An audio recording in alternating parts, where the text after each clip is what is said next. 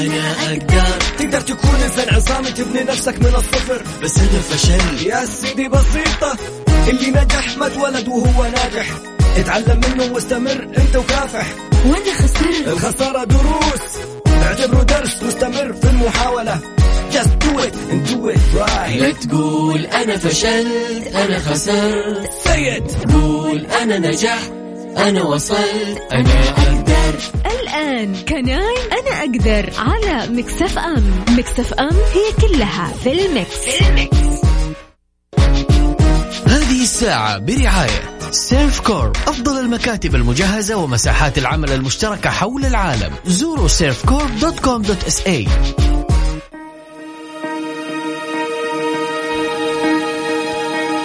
لا توجد عقبات في طريقك. شيء يصعب تصديقه لكنه حقيقة.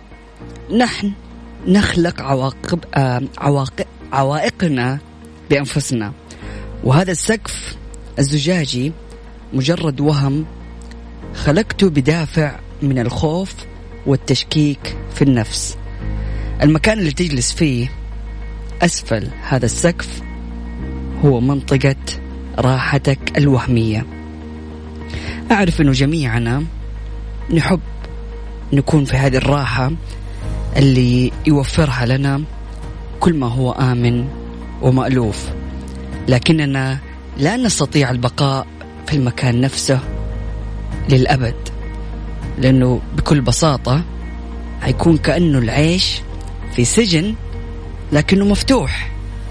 ونحن عادة ما نتمسك بما نعرفه لأننا نخشى من إجراء التغييرات. ودائما نقول لنفسنا ماذا لو فشلنا؟ ماذا لو ارتكبنا الأخطاء؟ ماذا لو سخر الناس منا؟ انسى كل هذا وانسى خوفك وخليك الشخص اللي تبي تكونه. معكم أخوكم مازن كرامي في برنامج كناي وراح اكون معكم إن شاء الله اسبوعيا من الاثنين إلى الأربعاء. نتكلم في برنامج كناي عن أمور جميلة جدا. راح نتكلم عن طريقة يعني نخلي البرنامج يعني برنامج يغير ال mindset حقنا يغير يعني طريقة تفكيرنا عشان نصل للأشياء اللي نرغب فيها. فعزيزي المستمع أتمنى تكون مستمتع وتكون سعيد في يومك. وأنا معك أخوك مازن كرامي واليوم راح نتكلم على موضوع جميل جدا. والموضوع هذا تحتاج أنك أنت تفكر فيه تماما لأنها تسعة طرق مختلفة يفكر بيها رواد الأعمال. فإذا كنت بتكون في يوم من الأيام رائد أعمال ناجح فلازم تغير طريقة تفكيرك ولازم تغير واقعك. والشيء اللي أنت معتاد عليه عشان بهذا التغيير راح تصل للشيء اللي تريده.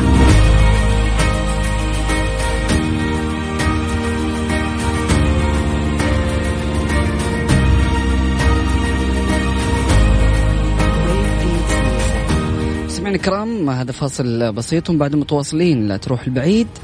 و stay tuned Can I أنا أقدر على Mix FM Mix FM هي كلها في ال mix. هذه الساعة برعاية Servcorp أفضل المكاتب المجهزة ومساحات العمل المشتركة حول العالم. زوروا Servcorp dot com dot SA حياكم الله مستمعينا الكرام واهلا وسهلا في الجميع. معكم أخوكم مازن كرامي في برنامج كناي. إن شاء الله تكونوا مستمتعين إن شاء الله يكون يومكم لطيف. بنتكلم على تسعة خطوات مختلفة يفكر بها رواد الأعمال. فذكرنا أنه لازم تبدأ تغير من الوضع الراهن ولازم تبدأ تغير من طريقة تفكيرك وروتينك وطريقة أو أسلوب عيشك ويومك. فمن أول النصائح اللي بيقدموها رواد الأعمال إنك أنت تقضي ساعات طويلة على شغفك. ولازم تكون شغوف. ضروري جدا إنك أنت تبذل وقت طويل في إنك أنت تكون يعني شغوف بالشيء اللي أنت بتسويه. تقبل كل شيء. حلو؟ وتأكد إنه في تحديات مرة كثيرة من حولك. لكن طالما أنت شغوف بالشيء اللي بتسويه وبتبذل وقت طويل فيه وما بتمل فبالتالي أنت هنا طريقة نجاحك وهنا بدايتك. فكل رواد الأعمال بيقدموا تضحيات مرة كبيرة في مقابل شغفهم. فهم مستعدين إنهم يضحوا تضحيات أحيانا تكون شخصية تضحيات مالية تضحيات نفسية تضحيات كبيرة ممكن تكون في حياتهم لأنهم شغوفين بالشيء اللي هم بيسووه شغوفين بالعمل اللي هم جالسين يقدموه. لما تكون يعني إنسان رائد أعمال أو إنسان جالس تعطي وقت كبير عشان تنجح نفسك. فأنت بالتالي لازم تكون مبسوط بالشيء هذا. لازم تعطي وقت أكثر. فعلى سبيل المثال آه ستيف جوبز مؤسس شركة آه Apple ابتكر جهاز وصار شغوف بهذا الجهاز صار حابب هذا الجهاز. أو عندك جيف بيزوس مؤسس شركة أمازون. اللي تنحى عن منصب CEO. والآن أصبح يعني مشرف على الأعمال لكن مركز على أعمال ثانية. يا عمي شوف إيلون ماسك إيش بيقول في آخر تغريداته. كان بيقول إنه أنا أحس إنه أنا جالس أضيع وقت في وجبة الأكل أو الغداء أو أي وجبة أنا باكلها في اليوم. فليش أنا أقعد بالساعات يعني مثلا ساعة عشان أجلس آكل بس؟ فهو حاسس إنه هذا الوقت أو هذه الساعة هو ممكن إنه هو يستثمرها في إنه هو يزود دخله أو إنه هو يفكر في يعني مشروعه. فبالتالي حتى كان بيكتب كاتب في التويتر إنه ليش ما يكون في حبوب؟ هذه الحبوب تكون بتمدك بكل احتياجاتك من الغذاء اللي ممكن أنت تحتاجها. عشان ما تقضي ساعات طويلة وأنت بس بتاكل. أو أنت مرتاح أو أنت قاعد. فالشيء اللي وصل اليوم إيلون ماسك لهذه المرحلة إنه هو مستعد إنه يتخلى عن الأكل في مقابل إنه هو يشتغل في مقابل إنه هو يكمل الشيء اللي هو جالس يسويه. فأول شيء لازم تفكر فيه إنك تكون شغوف وإنك تكون حابب الشيء اللي أنت بتسويه تغييرك لذاتك تطويرك لنفسك بدايتك لمشروع جديد. كل هذه تحتاج لشغف. فلازم تكون شغوف. مستمعينا الكرام أكيد مستمرين في تسعة خطوات مختلفة يفكر بيها رواد الأعمال. فاصل بسيط بعد متواصلين. لا تروح البعيد و stay tuned هذه الساعة برعاية Servcorp أفضل المكاتب المجهزة ومساحات العمل المشتركة حول العالم. زوروا Servcorp dot com dot SA. حياكم الله مستمعينا الكرام واهلا وسهلا في الجميع. أكيد مستمرين في برنامج كناي. وطبعا كلنا نقدر ولما نفكر بالتسع خطوات اللي بيفكروا بها رواد الأعمال راح نقدر. فتكلمنا في البداية أنه لازم تكون شغوف. بالعمل اللي أنت فيه. الشيء الثاني برضو مرتبط بالشغف أنك أنت ما تخاف من العمل الشاق. لأنك أنت بتسوي شيء شغفك فيه وحبك فيه. وزي ما ذكرنا قبل شوية أنه إيلون ماسك كان بيقول أنه مستعد أنه يقضي ساعات طويلة في عمله. فهذا معناته إنه في عمل شاق إنه في عمل وفي أشغ... يعني في أشياء بنسويها في حياتنا تتطلب مننا ساعات طويلة في اليوم. تتطلب مننا إنه إحنا يعني نتنازل عن أشياء كثيرة في حياتنا في مقابل إنه إحنا نطور نفسنا أو نطور هذا المشروع أو نطور العمل اللي إحنا شغالين عليه. فلا تخاف من العمل الشاق. ويعني فعلا لا تكون كسول تماما. يعني لازم يكون فيك الحماس. وطبيعي إنه يكون عند الإنسان في ups and down يعني فجأة كويس اليوم اللي بعده يبدأ يحس بشوية إحباط. طبيعي نحن بشر. لكن لازم يكون عندك حماس. لأنه ما كان عندك حماس هذا الشيء حيحسسك إنه بالملل وما حتحس بالسعادة فيه. لكن صدقني يستثمر رواد الأعمال الكثير من الوقت. والطاقة في أعمالهم الخاصة. وصدقني روح أسأل أي رائد أعمال ما تلاقي في فاصل في حياته ما بين الحياة الخاصة والعمل. فبالتالي بتلاقيهم بيسووا أي شيء عشان يحقق من خلاله حلمه. بتلاقيه 24 ساعة هو بيفكر في إنه هو يطور مشروعه. هو بيفكر في إنه أي شيء في حياته بيصير بيربطها على طول بشغله فبيفكر بشغله كثير. كتب هنري فورد مؤسس شركة فورد للسيارات عام 1923 إنه لا أتصور إن بإمكان الفرد أن يغفل عن مشروعه ولو لحظة إذ يجب أن يفكر فيه نهارا ويحلم به ليلا. فكل اللي تحتاجه أنك ما تخاف من العمل الشاق وفعلا تغير طريقة تفكيرك عشان كل فرصة في حياتك وكل عمل شاق في حياتك تحوله لمتعة وتستمتع وانت جالس تقضي ساعات طويلة في هذا الشغف مستمرين في برنامج كناي معكم أخوكم مازن كرامي نطلع لفاصل بسيط ومن بعد أكيد متواصلين في تسعة خطوات. يفكر بيها رواد الأعمال. Can I أنا أقدر على Mix FM. Mix FM هي كلها في ال mix هذه الساعة برعاية Servcorp أفضل المكاتب المجهزة ومساحات العمل المشتركة حول العالم. زوروا Servcorp dot com dot SA. حياكم الله مستمعينا الكرام واهلا وسهلا في الجميع. مساءكم سعيد وإن شاء الله يكون يومكم لطيف. تسعة خطوات يفكر فيها رواد الأعمال. تكلمنا في البداية عن الشغف تكلمنا ثانيا عن عدم الخوف من العمل الشاق ثالثا تعود على الانضباط. طبعا دائما يركز رواد الأعمال على أهدافهم تركيز شديد وما يخلوا أي شيء يلهيهم. لكن ضروري جدا يكون عندهم الانضباط عالي في إنهم يستغلوا الوقت أفضل استغلال. فما تلاقيهم يعني يضيعوا أوقات كثيرة في التسلية أو الترفيه إلا يعني في أوقات محددينها منضبطين في هذه الأوقات. فبالتالي ضروري يكون عندك الانضباط النفسي لأنه لما تكون منضبط صدقني حتكون يعني منضبط في عملك منضبط في حياتك الخاصة وأفضل طريقة عشان تكون يعني أو يكون عندك الانضباط عالي صلاتك. إنك أنت ما تبعد عن صلاتك وما تأخر صلاتك في وقتها. فبالتالي الصلاة سبحان الله خمسة فروض في اليوم بتخليك يعني إنسان منضبط في يومك كله.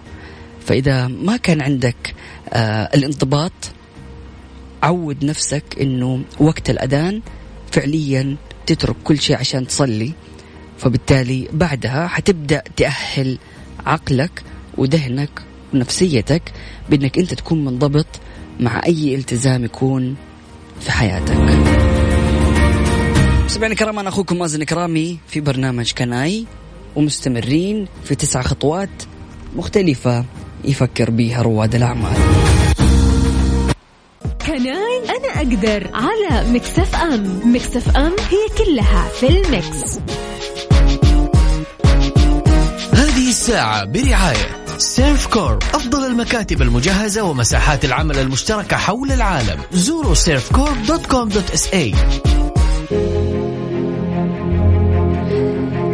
حياكم الله مستمعينا الكرام واهلا وسهلا في الجميع. مساكم سعيد وإن شاء الله يكون يومكم لطيف. بنتكلم أكيد عن تسع خطوات يفكر بها رواد الأعمال. في برنامج كناي معكم أخوكم مازن إكرامي. نرجع بعد كذا للخطوة الرابعة. أيوة خلينا نتأكد كذا. قلنا أول حاجة الشغف. كن شغوفا. ثانيا لا تهب العمل الشاق. وثالثا تعود على الانضباط ورابعا انظر للتحديات على إنها فرص. فعلا. يعني كل تحدي في حياتك أعتبره فرصة. تحديدا في مجال يعني الأعمال ولما تكون رائد أعمال فحيكون قدامك تحديات كبيرة جدا. أولها الفترة اللي إحنا فيها الآن الجائحة. يعني كانت فترة صعبة على رواد الأعمال تحديدا ال startup اللي لسه يبغوا يبدأوا يعني يعملوا مثلا مشروع أو business فهذه خلينا نقول عقبة من العقبات اللي آه، ممكن تواجه رواد الأعمال. فبالتالي شوف التحديات هذه وشوف كيف تكون يعني مغتنم لهذه الفرص أو التحديات اللي موجودة. من خلالها حتلقى فرص. لأنه شوف على قد ما أنه في قطاعات تضررت إلا أنه في قطاعات ثانية انتعشت جدا من خلال يعني سواء استغلالهم للفرص أو من خلال يعني البزنس موديل كان ملائم. فدائما نشوف للتحديات. وأنظر لها على إنها نقطة إيجابية. يقول لك عندما يواجه رواد الأعمال مشكلة فهم لا يتراجعون للخلف أو يهربوا. لأنه فعلا أحيانا لما يكون قدامك شيء صعب ما حتقدر تتجاوز الشيء ذا إلا إنك تواجهه. فلازم تعرف إيش الطرق إنك أنت تتغلب على المشاكل وتتفاداها. بإنك أنت تواجهها بإنك أنت تكون يعني تحطها أمام الأمر الواقع. أشياء كثيرة أو صعوبات نواجهها في حياتنا لكن نقول خلاص هذا نفكر فيها بعدين أو نخليها لوقت ثاني. وتبدأ تطول لكن بمجرد إنك أنت تفكر فيها وتبدأ حتعرف كيف تتخلص منها. ف تماما انظر للتحديات على إنها فرص. النصيحة الخامسة غير من وضعك الراهن. تحديدا إذا كنت يعني لسه ما عندك خطة ما تبي تعرف إيش تسوي ما خططت في حياتك فهل أنت مبسوط؟ سعيد؟ هذا الشيء اللي أنت تطمح له في حياتك؟ ولا هذه المنطقة ال comfort zone اللي أنت حاسس أنك أنت مرتاح فيها منطقة الراحة؟ فكر وإذا كانت فعلا منطقة راحة فحاول أنك أنت تغير من هذا الوضع. النصيحة قلنا هذه الخامسة نصيحة السادسة جازف.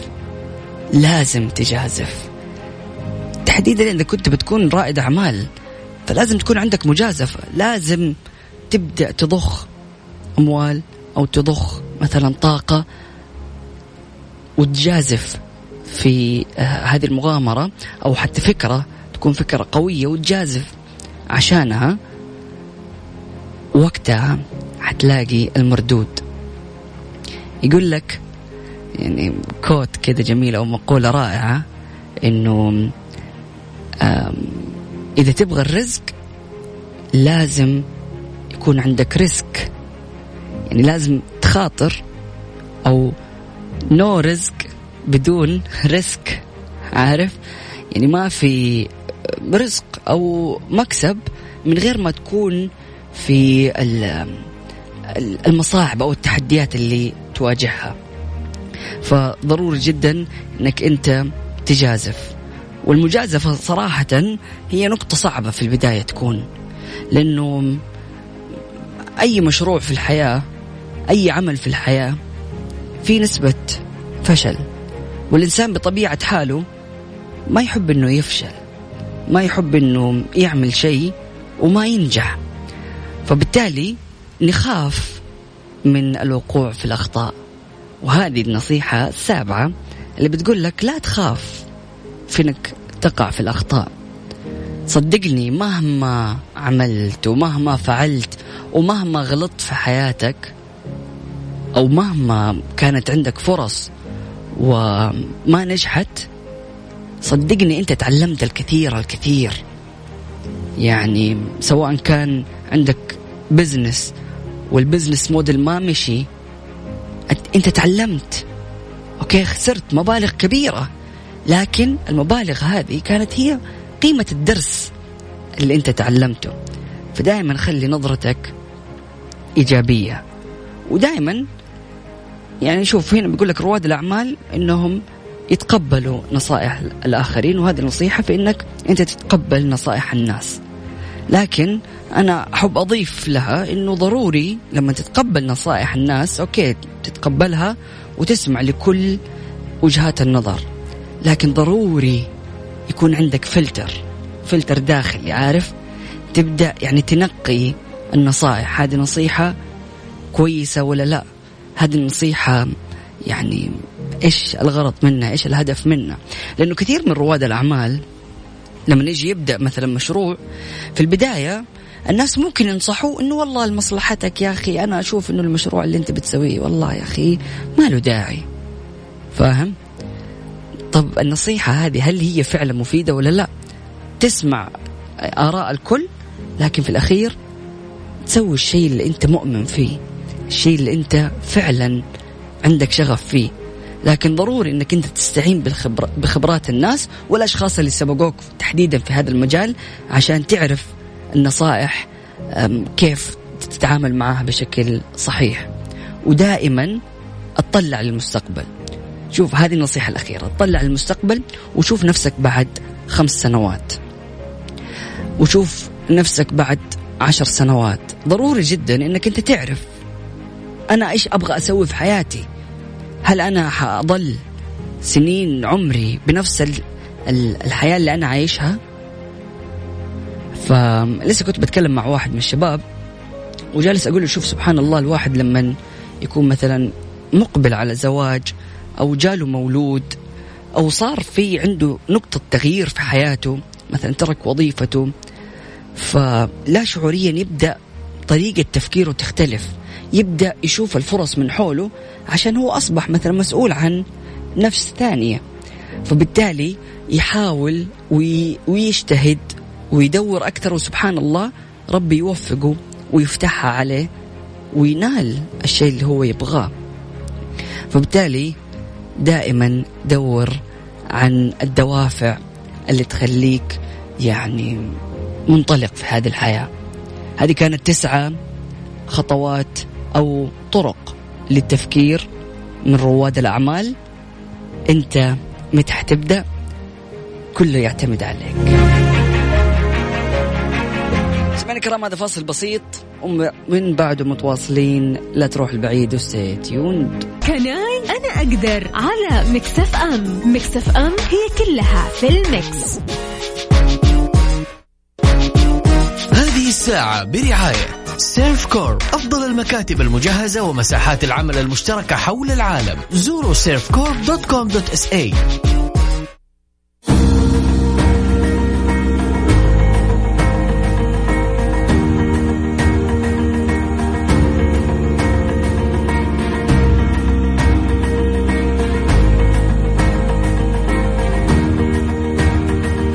حياكم الله مستمعينا الكرام واهلا وسهلا في الجميع. معاكم أخوكم مازن كرامي.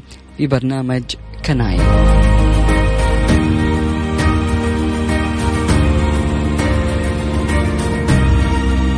تكلمنا عن تسعة طرق مختلفة يفكر بها رواد الأعمال. نراجعها بشكل سريع. أولا كن شغوفا. ثانيا لا تهاب العمل الشاق. ثالثا تعود على الانضباط. انظر للتحديات على أنها فرص. وغير من وضعك الراهن. وجازف.